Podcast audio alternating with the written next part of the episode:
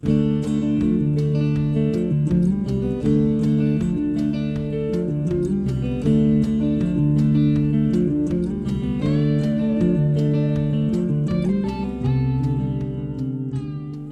wel of niet stichten van een gezin is waarschijnlijk een van de belangrijkste keuzes die je maakt in je leven.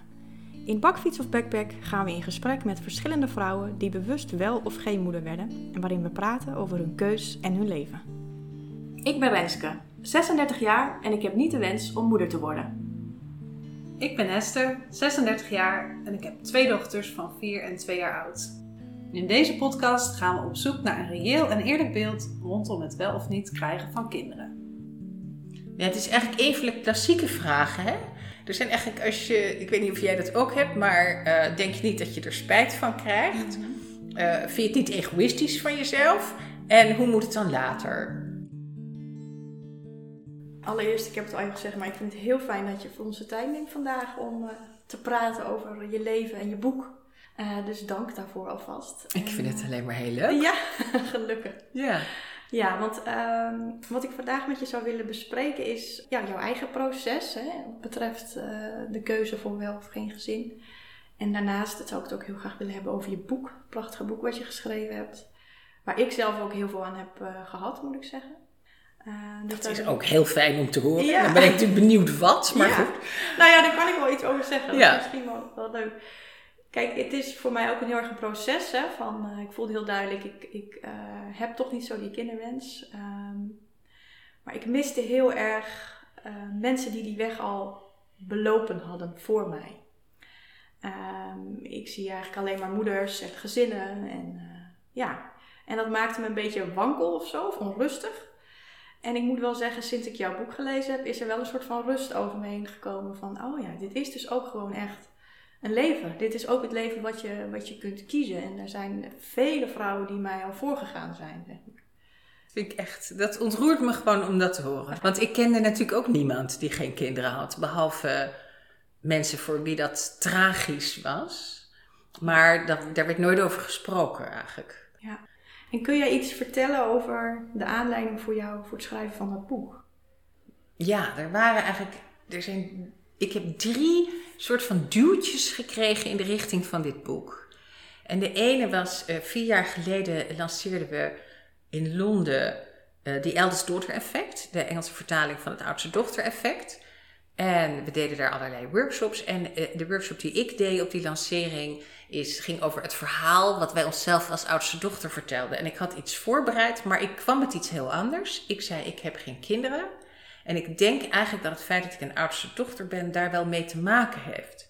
Toen bleek dat in mijn groepje eh, twee vrouwen waren met kinderen en vier vrouwen zonder kinderen en één jonge vrouw die zei ik weet het nog niet. Maar daar ontspon zich een gesprek over het niet hebben van kinderen en hoe dat zo gegaan was. En, eh, en later op die lancering kwamen die vrouwen naar mij toe en zeiden dat gesprek hebben we eigenlijk nooit. Je hebt het gesprek als je in de 20 bent of in de 30 bent, misschien nu nog in de 40, maar op een gegeven moment houdt dat op. Ja. En dan praat je eigenlijk nooit meer over hoe het was, hoe het kwam, eh, of er verdriet was, of het een vrije keuze was en, en hoe dat gegaan is. Dus toen dacht ik, hé, hey, daar is wat. En, en toen was er op de, de, eh, de groep Sisters op Facebook, was er iemand van in de 30 die zei, ik denk dat ik het niet ga doen, maar hoe zal dat dan later zijn? En ik zag dat en ik heb daarop geantwoord. En ik heb daar zo uitgebreid op geantwoord dat ik dacht: hé, hey, ik heb hier iets over te zeggen. En ik wil hier eigenlijk wel graag iets over zeggen. Ja. En toen was er nog iets in een voorval, of niet, in een restaurant. Ik ging weg en ik groette, begroette degene, de restauranthoudster. En die zat te praten met twee vrouwen. En die zei: God, jij bent toch de moeder van Timo? Ik zei, nee, ik ben helemaal niemands moeder. Oh, zei ze, nou, daar hebben we het net over. Deze vrouwen, die weten niet zeker of ze wel of geen kinderen willen hebben. En eh, dus die, die, die eigenaar van het restaurant, die zei... eh, en ik zeg tegen ze, doen, je moet het doen, daar krijg je spijt van. Dus ik zei, oh, ik zou iets heel anders zeggen. Ik zou zeggen, bij twijfel niet doen. Bij twijfel niet doen. Er is iets in de twijfel. De maatschappij zegt dat je dat wel moet doen. Als die twijfel er in jou is, onderzoek het leven wat je kunt hebben als je dat niet doet. Ja. Nou, en dat telde eigenlijk op. En toen dacht ik, en toen heb ik er met mijn Amerikaanse uitgever over gesproken en die was enthousiast. Ja, want jij schrijft ook boeken. Je hebt al een verschillende boeken geschreven. Ja, dit was mijn vierde boek. Oh ja, precies. Ja. Ja, ik heb er nu vijf. Ja. En zouden we ook eh, iets meer over jou mogen weten in algemene zin? Nou ja, ik ben dus de oudste van vier. En ehm, mijn moeder was enig kind en die heeft mij echt het mooiste gegeven wat ze zelf graag had willen hebben. Dat is namelijk broertjes en zusjes. En eh, daar, daar komt dus eigenlijk dat hele oudste en die gezinsdynamiek. En ik ben er nu heel blij mee, maar vroeger niet altijd. En ik ben eigenlijk ook al vrij jong, zo, ik denk dat ik 17, 18 was of zo. Weet ik nog dat ik tegen mijn moeder zei: waarom wil iedereen eigenlijk eigen kinderen? Ja. Als er nou zoveel kinderen in de wereld zijn, wat is dat dat iedereen eigen kinderen wil? Al jong dat je dat... eh, ja. Ja, ik werd toen ook vegetarisch. Ik was echt wel ja, bezig met de wereld.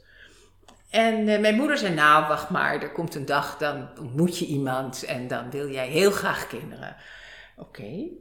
Eh, maar ja, die dag is eigenlijk nooit gekomen. Nee, ik wacht er nog steeds op. ik heb wel mensen ontmoet, mannen ontmoet, maar dat het hele idee van een gezin trok mij eigenlijk nooit aan. En in de tijd dat ik, zeg maar, ik heb gestudeerd en toen ik afgestudeerd was, gingen mijn vrienden samenwonen en echte banen hebben en, en huizen en hypotheken en kinderen. En ik eh, heb eerst ook wel een echte baan gehad en toen ben ik freelancer geworden. Dat wist ik ook helemaal niet hoe dat werkte.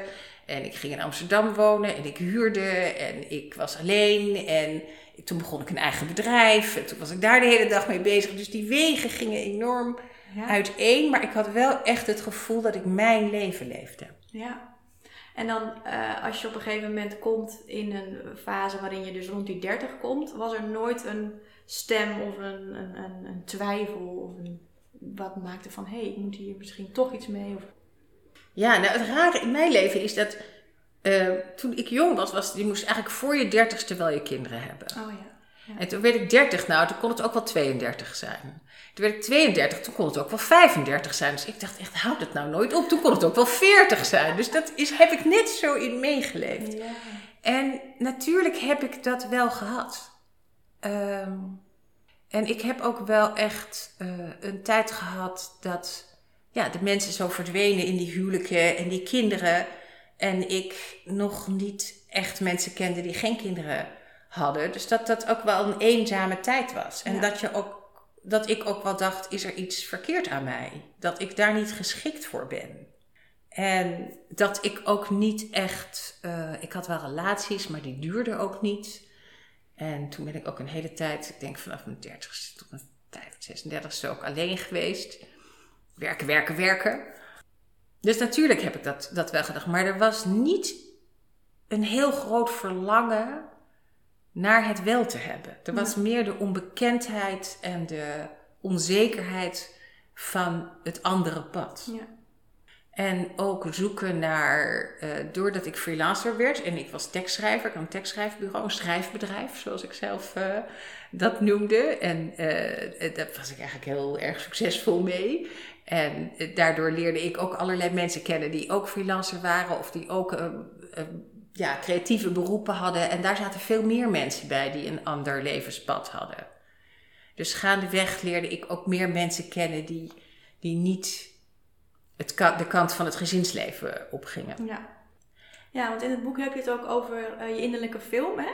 Dat Ja. beschrijf je ook heel mooi. Kun, kun je daar iets over zeggen, wat je daarmee bedoelt? Ja, ik denk wel eens dat er een, een leven in ons zit wat geleefd wil worden. En is het voor jou ook, ehm, of hoe is het voor jou gelukt om bij die innerlijke film te komen? Want ik, als ik bijvoorbeeld voor mezelf spreek, is die niet altijd heel erg scherp of duidelijk. Eh, is die soms ook echt wel helemaal ruis door omgeving of, of wat voor factoren dan ook. Hoe, heeft, hoe, hoe lukt het jou om daar toch eh, naar te, ja, dat scherp te houden voor jezelf? Ja, leuke vraag. Zie, ik denk dat het leven is een beetje zoals verstoppertje spelen. Hè? Want als je verstoppertje speelt en achter het eerste gordijn vind je iedereen, dan is dat niet leuk. Dat is niet de bedoeling. Dus, maar het moet ook niet te lang duren voordat je de mensen vindt. Dus het leven is steeds eigenlijk een beetje zoeken En kijken van, oh, ik zet een stap. hey, goh, ik, nu voel ik me helemaal wauw. Ik voel helemaal energie en enthousiasme. En het lichaam is s'avonds wel moe, maar de geest is blij. Of, hé, uh, hey, oh, dan kom ik een beetje mis thuis. Oh, dan denk ik dat ik mezelf een beetje moet gaan verwennen, omdat ik het niet zo... Dus, en, en dus steeds met een soort, ja, kompas of zo Ja. kijken van, is dit de goede richting? Ja, mooi. Ik vind het knap van mezelf dat in de tijd dat al mijn vriendinnen en vrienden gingen trouwen, ik ben ook nog verloofd geweest, want ik ging met iemand samenwonen. Ik dacht, mijn ouders trekken dat niet. Eh was natuurlijk ook toch nog wel die oudste dochter en die moest het allemaal dan goed en keurig doen. En eh, toen heb ik die verloving verbroken. En dat is echt wel het moment waar, dat is de eerste keer dat ik dacht, ja, zie er zit een ander leven in mij dan het pad waar ik eigenlijk op aan het lopen was. Ja, ja. Want ik zag zo voor me, straks ben ik getrouwd en dan heb ik twee kinderen en dan ga ik gewoon weg. Nou, ik ga dit gewoon niet uithouden. ja, precies. En kun je mij benoemen wat het voor jou is wat maakte dat je dat, je dat gezin niet, die, dat verlangen niet had? Nou, ik ben niet zo'n verzorgend type. Dus ik zag mezelf helemaal niet eigenlijk, ja, de, de, de aandacht en toewijding die kleine mensjes nodig hebben, willen geven. En dat, dat ik daar heel blij van zou worden. Ehm, ik wou ook die regelmaat eigenlijk niet. En ik was ook heel erg nieuwsgierig wat voor rol ik in mijn werk zou kunnen spelen. En ik zag eigenlijk niet dat je dat allebei voluit zou kunnen doen. Nou heb ik een zusje die dat wel allebei voluit doet, nog steeds. Dus sommigen kunnen het wel, maar ik dacht dat gaat mij niet lukken. Dan ga ik, ik ga denk ik ongelukkig worden omdat ik, ik, ik wil weten wat is het potentieel wat hierin zit. Ja, Dat wil ik graag onderzoeken. Ja. En, ehm, en ik, ik zie ook wel dat mensen dan zeggen: ja, nee, maar dan gaan mijn kinderen, die gaan dan dit. Ja, waarom doe ik het dan niet zelf? Laat ik het zelf doen. maar dat vergt wel heel veel ehm, eigen initiatief, eigen energie, eigen zin, lust om te ontplooien, eh, hè, om andere dingen te gaan doen. Ja, nou, daar heb ik in mijn boek ook echt wel aandacht aan besteed. Dat er. Je hebt natuurlijk, als je een gezinsleven hebt, ik denk altijd aan die kleine voetjes die gewoon 's ochtends eh, chop, chop, chop. Hè? En jij denkt, oh, mag ik nog even uitslapen? Nee hoor, het is al, de dag is al begonnen met dat bruisende enthousiasme van zo'n kindje die dan Ja. anderhalf uur later moe is, maar ja, dan ben jij wakker. Ehm, en wij moeten echt wel zelf initiërend zijn, zelf startend, zelf motiverend zijn. Eh, dus dat, eh, is, dat is ook niet altijd zo makkelijk. Nee. En dat is al makkelijker als je een partner hebt. Maar ik denk wat mij, mijn zegen is nieuwsgierigheid. Ik ben gewoon ontzettend nieuwsgierig. Grappig, want wij liepen hier naartoe. en wij zeiden tegen elkaar van, goh, dat interviewen en vak. En eh, ja, ik zeg maar, wat wij wel echt allebei gemeen hebben, is dat we zo nieuwsgierig zijn. Het Ja. is wel zo grappig dat je dat dan nu ook benoemt. Ja. Maar heb je niet ook dat. eh, ik ben gewoon, kijk, het leven is een soort vervolgverhaal. En elke dag is er een aflevering met ontzettend veel onverwachte wendingen. Ja. Dus elke dag denk ik weer, nou, wat zou er nou vandaag weer gebeuren? Wie gaat nu weer wat, wat doen? Ja. En zijn er ook momenten in je leven geweest waarbij je dat niet zo eh, kon voelen? Of dat je daarin echt wel eh, ja, het lastig had? Of... Ja, tuurlijk. En ook, eh, zeg maar zo, zo aan het eind van de jaren dertig, dat je toch denkt, ja, heb doe ik nou wel het goede? En ik ben een soort 70-30 iemand. En 70% van mij wil geen kinderen. Ik, ik, dat is niet het leven waar ik naar verlang. Maar 30% van mij, ja, er is natuurlijk een intimiteit die door niets te vervangen is. De intimiteit met een kind. Ja. Dat is, dat is natuurlijk niet, dat is natuurlijk onvervangbaar. En ja, daar heb ik het natuurlijk ook wel eens over in de put gezeten. En, in de, en de twijfel gehad. En eh, zeker. Ja. En dat- ik was lang in mijn eentje en dat, dat vond ik eigenlijk ook heerlijk. Om helemaal lekker te kunnen doen wat eh, ik wilde. Maar ik had ook wel momenten dat ik dan zo op zaterdag door de stad liep. En dat ik het helemaal de koning te rijk. En dan ineens zag ik dat iedereen met z'n tweeën was. En dat ik alleen was. En dat ik zaterdagavond in mijn eentje zou zitten. wat ik ook heerlijk vond, maar wat ook ergens pijnlijk was. Allebei tegelijk. Ja. ja. En het heeft dus blijkbaar nooit dermate gedrukt of uh, gevoeld van, nou, dit, uh, ik ga het anders doen. Ik ga toch voor dat gezin. Nou, ik heb uh, mijn vriend, mijn partner, mijn man Jos leren kennen toen ik, ehm, even kijken, in mei van het jaar dat ik 40 werd. Ik werd in september 40, dus vier maanden voor mijn 40ste. En uh, toen was ik wel bezig. Ik dacht, nou, als ik het nog wil, want ik dacht, anders doe ik het gewoon alleen. En daar, daar had ik het ook met vriendinnen wel over, met mijn zusje wel over. Maar ik dacht ook, kijk, ik ben best een uh, daadkrachtig iemand. Als ik echt een kind in mijn eentje had gewild, dan had ik het vast wel gedaan. Hè? En ik deed dat maar steeds niet. Dus daar leid ik ook uit af. Hè? Ik, ja. ik kijk naar wat ik doe en ik concludeer wie ik ben. Ja, precies. En dan had ik ook nog dat idee van, goh, ik, ik vond het al niet zo makkelijk om de oudste te zijn, omdat je toch alle zenuwen en alle verwachtingen van je ouders draagt. En bij de tweede is het allemaal weer anders. Ik dacht, als je dan alleenstaande moeder bent, je hebt één kind, nou ja, dan, dan, dan zit je daar zo bovenop. Dat is, dan zou je er twee moeten, dan een tweeling moeten. Maar ja, een tweeling, dat is dan weer tjeus. Dus dan heb je je eentje een tweeling. Dus zo kwam ik er eigenlijk ook helemaal niet uit. Maar toen uh, ontmoette ik Jos en... Uh, toen was ik, had ik van een, een gynaecoloog een, uh, die ik ken een uh, chart gekregen om een temperatuur te meten s ochtends. Om te kijken wanneer mijn ovulatie was. Zodat -hmm. als ik iets zou willen, dat we dat zouden kunnen doen. En ik had een speciale thermometer gekocht. Ik dacht, ik ga dit heel goed aanpakken. Ik had zelfs de gebruiksaanwijzing gelezen, doe ik nooit. Gefeliciteerd met uw aankoop. En toen kwam ik Jos tegen. Jos had zich laten doorknippen omdat hij zeker wist dat hij geen kinderen wilde. Hij is kunstenaar en hij wilde echt, hij is heel zorgzaam. Dus hij dacht, als ik een gezin heb, word ik zo zorgzaam, dan kan ik niet echt mijn kunst maken.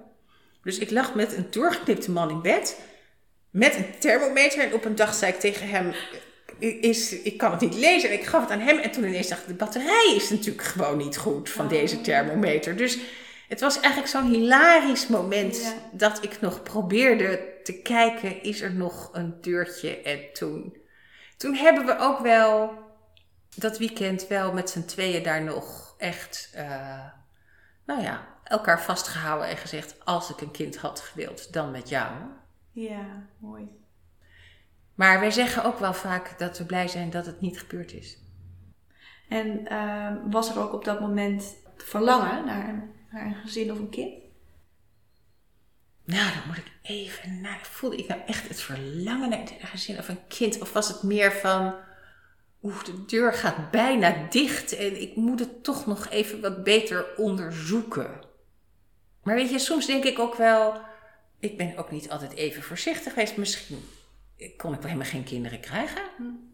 Maar toen ook na dat weekend en toen dacht ik, nou, nu is het ja. Zo is het. En mooi ook dat je daar samen ook even de ruimte voor neemt. Dat het heel jammer is of uh, dat dat niet gaat gebeuren. Ja. ja. Zou ik heel graag naar jullie leven nu willen of naar jouw leven nu? Uh, want jij bent halverwege de 60? Ja, 66. Ja, 66. Um, op een gegeven moment is besloten en, en is alles uh, duidelijk van dit gaat niet gebeuren voor ons, voor mij. Kun je me eens meenemen in dat leven daarna?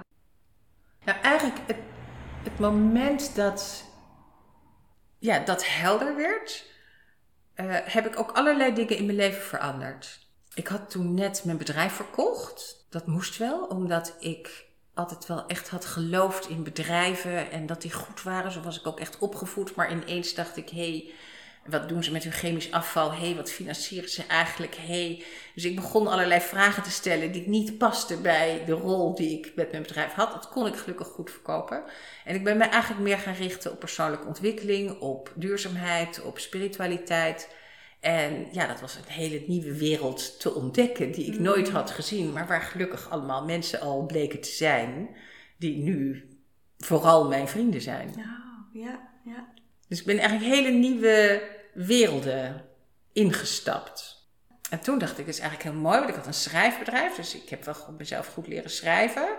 En uh, ik heb die persoonlijke uh, ontwikkeling en die spiritualiteit gedaan. Dat komt nu eigenlijk samen in die boeken. Dus ja. achteraf is dat, zijn dat twee lijnen die heel mooi nu vervlechten. Ja. En wat ook heerlijk is, dat ik dat zolang ik een beetje bijblijf eh, nog kan blijven doen. Ja, ja.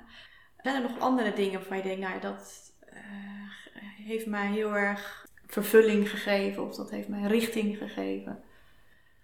Ehm, nou, bij nieuwsgierig hoort ook wel dat ik. eh, ik, heb wel eens uh, grapshalve gezegd: als ik ooit nog een visitekaartje moet maken, dan zet ik erop: ik ben een professionele bemoeial.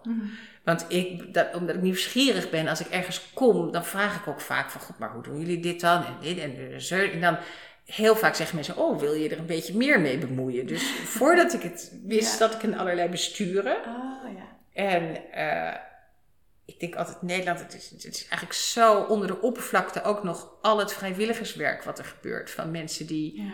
jongetjes, kleine jongetjes leren voetballen, tot aan al die mensen die in al die besturen van al die stichtingen en al die instituten zitten. Dat is allemaal vrijwilligerswerk. ja, ja. En ehm, dus ik heb in allerlei besturen gezeten waarin je ineens ja, je neus mag steken in zaken waar, die je belangrijk vindt. ja, En dat kan ik eigenlijk iedereen aanraden. ja. Hoe groot of hoe klein dat ook is. Ja. In deze tijd waarin we natuurlijk volop in, in coronatijd zitten en waar iedereen eigenlijk steeds meer naar zijn eigen center eh, wordt gedwongen. Hoe is dat voor jou wanneer je dus niet een, een gezinsbubbel hebt waar je, waar je in terug kan trekken? Ik vind het heerlijk.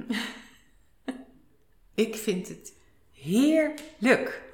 Ik heb een eh, wereldwijde survey gedaan voor mijn boek. Ja. Die is door meer dan 500 mensen uit 31 landen ingevuld. Tot mijn enorme verbazing ook zeg maar, een echtpaar uit Bagdad en een ingenieur uit Oezbekistan en 53 mensen uit Italië. Ook heel veel mensen uit Nederland. Bijna 200 mensen uit Nederland. En ik vroeg daar ook in, zie jij jezelf als extravert of introvert? Oh ja.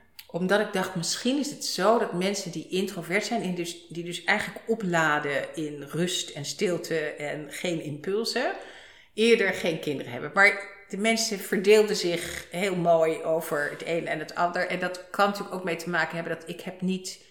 Mijn boek gaat niet over mensen die de keuze gemaakt hebben. Het gaat gewoon over mensen zonder kinderen.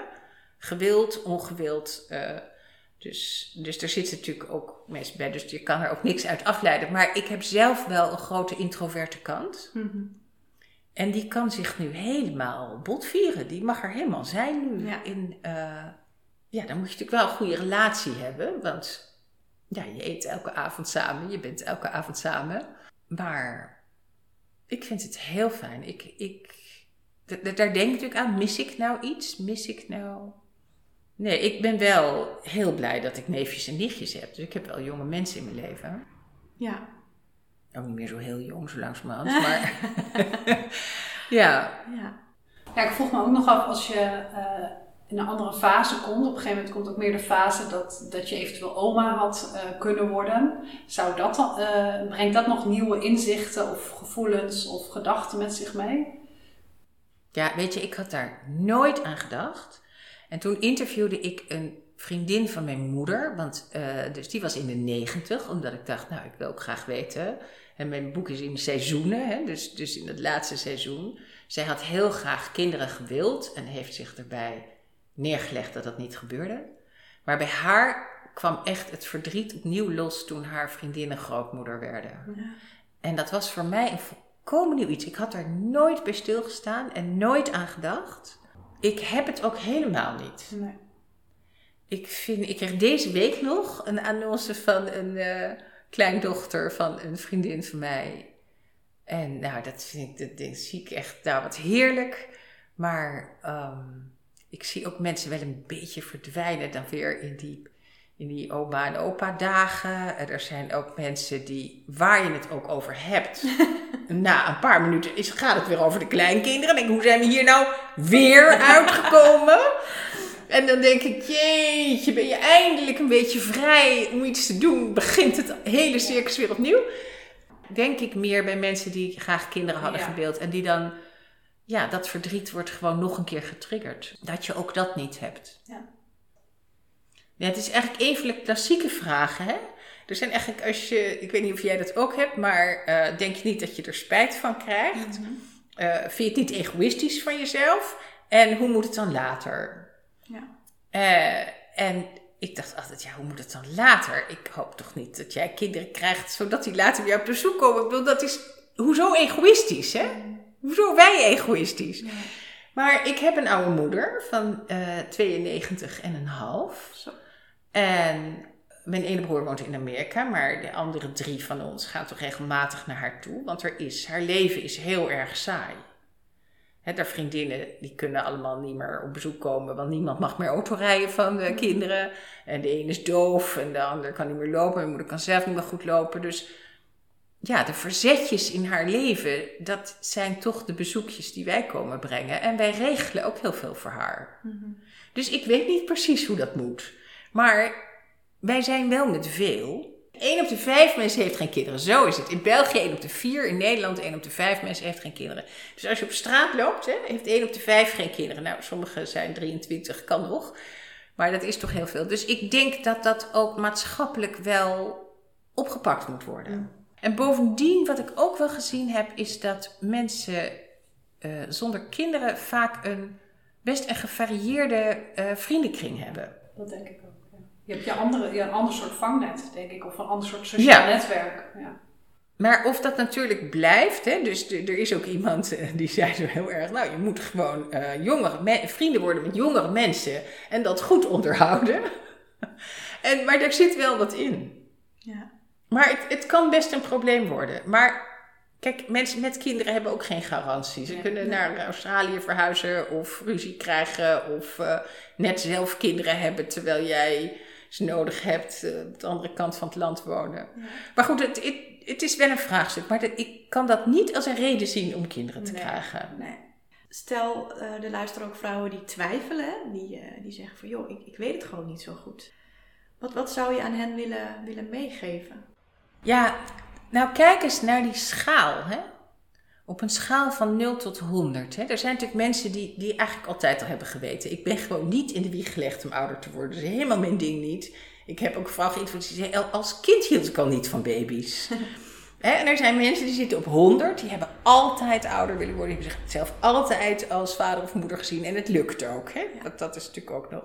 Maar waar zit je zelf op die schaal? Waar zit die twijfel? Want ik was zeg maar 70-30. Ik ben nu denk ik eh 99-1 of zoiets dergelijks geworden.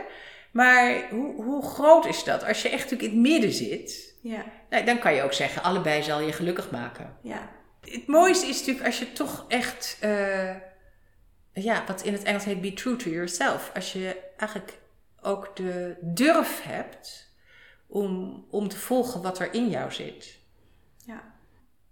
Ik heb ook wel eens eh, een jonge vrouw die zei een keer tegen mij dat ze voor een beslissing stond. En toen zei ze, toen heb ik drie dagen geleefd met hoe ik me zou voelen als ik het wel deed.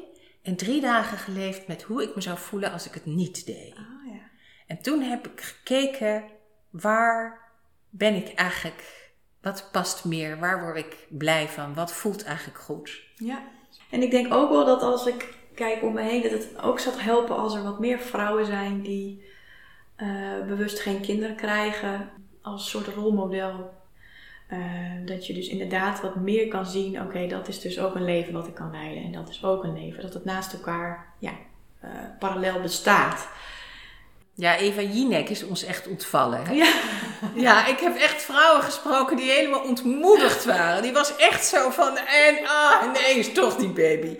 Ja, ja, nou ja, ik kan me voorstellen als je twijfelt, dat, dat, dat je daar wel gevoelig voor kunt zijn. ja. Terwijl er echt, kijk, als één op de vijf Nederlanders Ja, geen kinderen precies. heeft en volwassenen, hè? Ja. Maar dan moeten er toch meer zijn? ja. Nou ja, dan moet ik gewoon toch wat beter zoeken. Ja, ja. Ja, ik vroeg me nou af, eh, toen jij 18 was, zei je tegen je moeder, waarom wil iedereen toch eigen kinderen? Heb je daar ook een antwoord op? Ja, waarom wil iedereen toch... Nee, ik vraag het me eigenlijk nog steeds af. ja.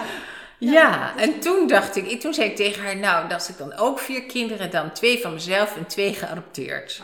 Dat, toen zat ik nog wel in dat spoor dat, dat eigenlijk eh, een gezin onontkoombaar was. Maar dan was dat zo'n beetje mijn compromis, Jouw versie, ja. mijn versie. Ja, ja, waarom wil iedereen toch eigen kinderen? Kijk, doordat ik dat met Jos wel beleefd heb, dat je het gevoel hebt van liefde en ook, om maar weer nieuwsgierigheid te gebruiken, van Wat zou er uit ons voortkomen? Ja. Wat komt er voort uit ja, de twee die wij zijn? Het ene wondertje wat eruit voorkomt, dat is natuurlijk ook een wonder. Maar, en ik heb echt grote bewondering voor mensen die ook pleegkinderen, want er zijn natuurlijk ook in Nederland allerlei kinderen uit in moeilijke omstandigheden die echt wel een goed huis kunnen gebruiken. Nou, zeker. Ben ik niet geschikt voor. Nee. Maar eh, als je nou moeder bent, kan ik me voorstellen, ja, kan je, er niet, kan je niet zoiets Ja. iets doen ook? Hè? Dus misschien een combinatie. Ja. Want voor wie krijg je een kind? Dat is ook nog zo'n vraag. Ja, ik denk uiteindelijk toch vooral voor jezelf. Dat, Ja. dat, dat ben ik wel, want dan zegt ze inderdaad, mensen die geen kinderen krijgen zijn egoïstisch. Ja, dat is onzin. Mensen die wel kinderen krijgen zijn ook egoïstisch. We zijn allemaal even egoïstisch, want je kiest je eigen pad. Ja, maar dat is dus eigenlijk iets waarvan ik weet niet hoe het met jou zit. Ik altijd het gevoel dat ik dat nooit heb mogen zeggen. Echt? Ik heb dus echt wel dat verwijt. Vind het niet egoïstisch om geen kinderen te krijgen. En dan kon ik toch niet. Was niet de bedoeling dat ik dan ging zeggen: ja, maar jij bent toch egoïstisch? je jezelf niet egoïstisch? Ja. Nou, ik denk, ehm, uiteindelijk kies je wat je zegt. Hè? Als je het kunt kiezen voor wat bij jou past. En dat is echt zelfgericht, want het kind is er nog niet. Dus, hè? Maar uiteindelijk, als je moeder bent, vind ik wel dat je echt eh, een stuk van jezelf opzij zet. Eh, of in ieder geval minder belangrijk maakt, eventjes. Het krijgen van een kind is denk ik gewoon egoïstisch in de zin van je doet iets waar je, waar je naar verlangt. Maar het ouderschap helpt je misschien wel om wat meer, minder jezelf centraal te zetten en wat meer eh, de andere, ja, je kind centraal te zetten. Dat bedoel je, Ja. Ja, maar nu je dat zegt, denk ik ook van ja, maar dat is dan eigenlijk ook maar één kind of twee kinderen eh, waar je dan eh, je toe in het werk stelt hè, om dat voor hen te doen. Terwijl als je alleen bent en je hebt geen kinderen, kun je bij wijze van heel veel andere manieren niet egoïstisch zijn. Door voor anderen te zijn. Of Ja, tuurlijk. niet in die intensiteit misschien, maar Ja. ja. Want dat hangt natuurlijk een beetje bij dat smaakje van egoïsme hangt het van nou je self-centered hè, je bent alleen maar met jezelf bezig. Maar dat hoeft helemaal niet zo te zijn. Er zit een beetje iets hedonistisch aan. Ja, hè? Van jij leeft alleen maar voor jezelf. En je hebt al je geld voor jezelf. Je Ja. hebt al je ruimte voor jezelf. Je hebt je hele huis voor jezelf. Nou, lekker jij. Hè? Maar dat is, zo is het vaak helemaal niet. Nee. Want het, en zo kan het ook zijn. En zo kunnen ouders ook zijn. Hè? Dus, dus, ehm, maar dat stukje wou ik er eigenlijk wel afhalen. Ja. Maar wat jij ook bedoelt is, is ja, vanuit jezelf ook steeds ehm, ja, je leven richting moet geven. Dingen moet organiseren. Ja. Moet uitreiken. Moet, want er is niet iets wat vanzelf gebeurt omdat de kinderen naar het voetballen moeten en daarna een partijtje hebben en daarna moeten eten en de volgende dag weer eh, naar oma moeten. En hè, dat, dat is er. Dat hele programma is er niet. Dus Nee. het vergt wat meer ehm, ja, eigen intappen in jezelf. Want vrijheid is eigenlijk een van de moeilijkste dingen om mee om te gaan. Mhm. Wat doe je als je, als je zo'n grote vrijheid hebt? Ja. Wat doe je dan? Dus dan, dat werpt je ook een beetje terug op jezelf. Ja. Naar mijn idee is dat de opgave van het leven. Ja. Om daarbij te komen. Wie ben ik en wat wil ik? Wat wil er zeg maar via deze postbus naar buiten komen? Ja. Dat is de opgave van het leven. En dat is niet altijd makkelijk en dat weet je ook niet altijd goed. En er zijn zeg maar tussentijden. Ik heb ook van die tussentijden gehad. Dat het een al afgelopen was, maar ik nog niet wist wat er dan zou beginnen. Precies, ja, mooi beschreven. Ja, die tussentijden zit ik nu ook een beetje. Ja, dan zit je in de tussentijd. Nee, het sluit niet allemaal aan. Ik degene met wie ik altijd het best kon praten van mijn vriendinnen die kinderen kregen, was als je het hebt over ja, de vragen van je leven. Ja. Dus niet over de laarsjes of het voeden of weet ik het allemaal, al die dingen die erbij komen kijken. Maar, maar, want moederschap is natuurlijk een aspect van je. Ja. Een deel van je. Het is niet, heel, het is niet wie je helemaal bent. Ook, ook met mijn nieuwe boek over weduwe zeggen sommige weduwen... ja, ik noem mezelf geen weduwe, want, want het is een aspect van mij. Ik ben daarnaast ook nog gewoon ja. wie ik ben. En we waren niet aan de heup vastgeklonken altijd samen. Ik was altijd al iemand. En, en dat is met moederschap natuurlijk ook zo. Die nieuwsgierigheid gaat niet weg, maar je kunt hem nu niet zo botvieren, want er is minder tijd. En, en ouderschap is natuurlijk ook eh, best vermoeiend. Ik bedoel, er moet gewoon heel veel gedaan worden op een dag. Ja. Zijn er zelf nog dingen waarvan je zegt dat is wel belangrijk om nog even voor het voetlicht te werpen van hé. Hey. Nou, wat ik wel bijzonder vind, is dat het bewust worden van ben ik iemand voor een gezinsleven of niet, dat dat een wereldwijd fenomeen is. Mm. Dat wist ik eigenlijk niet. Maar ik heb ook artikelen gelezen in Pakistaanse, Engelstalige bladen en Indiaanse bladen. Gesproken met vrouwen uit Libanon en Egypte. Dus dat er een keus is en, en dat je die kunt maken.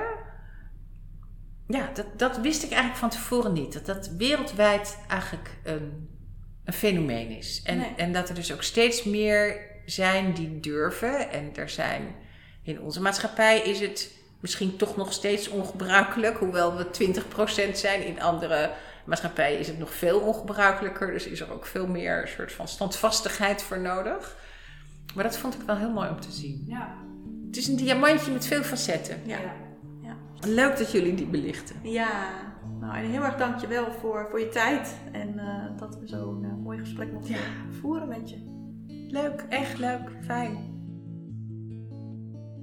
Dit was een aflevering van de podcast Bakfiets of Backpack. Wil je in contact komen met ons omdat je een vraag hebt of misschien zelf je verhaal wilt delen? Mail ons via bakfietsofbackpack.hotmail.com. Via Instagram, het Wel of Geen Gezin en Facebook blijf je op de hoogte van de volgende afleveringen.